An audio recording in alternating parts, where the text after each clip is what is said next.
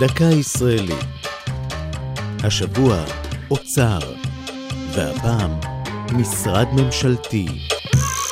בליבה הפועם של כל מדינה מצוי אוצרה, הכספים שמחלקת הממשלה לאגפי השלטון ובאמצעותם לתושביה. סמוך לקום המדינה היו כבר מוסדות לאומיים שעסקו במלאכה. אחד החשובים בהם היה מחלקת הכספים של הסוכנות היהודית. מי שעמד בראש המחלקה, אליעזר קפלן, היה לשר האוצר הראשון של ישראל.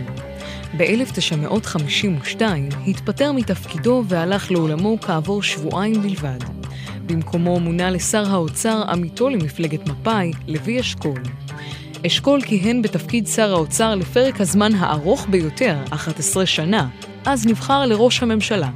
בהנהגת שני שרי אוצר אלה עם המנכ"ל יעקב ארנון, התפתח משרד האוצר, אופיו הריכוזי והקשר ההדוק שלו למחלקה לכלכלה באוניברסיטה העברית הפכו אותו למוקד עיצוב המדיניות הכלכלית בשנות ה-50 וה-60, שנים שהתאפיינו בצמיחה מהירה במשק ובבניית כלכלה יציבה. גם כיום מצויה בראש מעייניו של שר האוצר חלוקת העוגה, כלומר קביעת תקציב המדינה השנתי. בחלוקה נכונה ומאוזנת שלו תלוי עתידה הכלכלי של המדינה.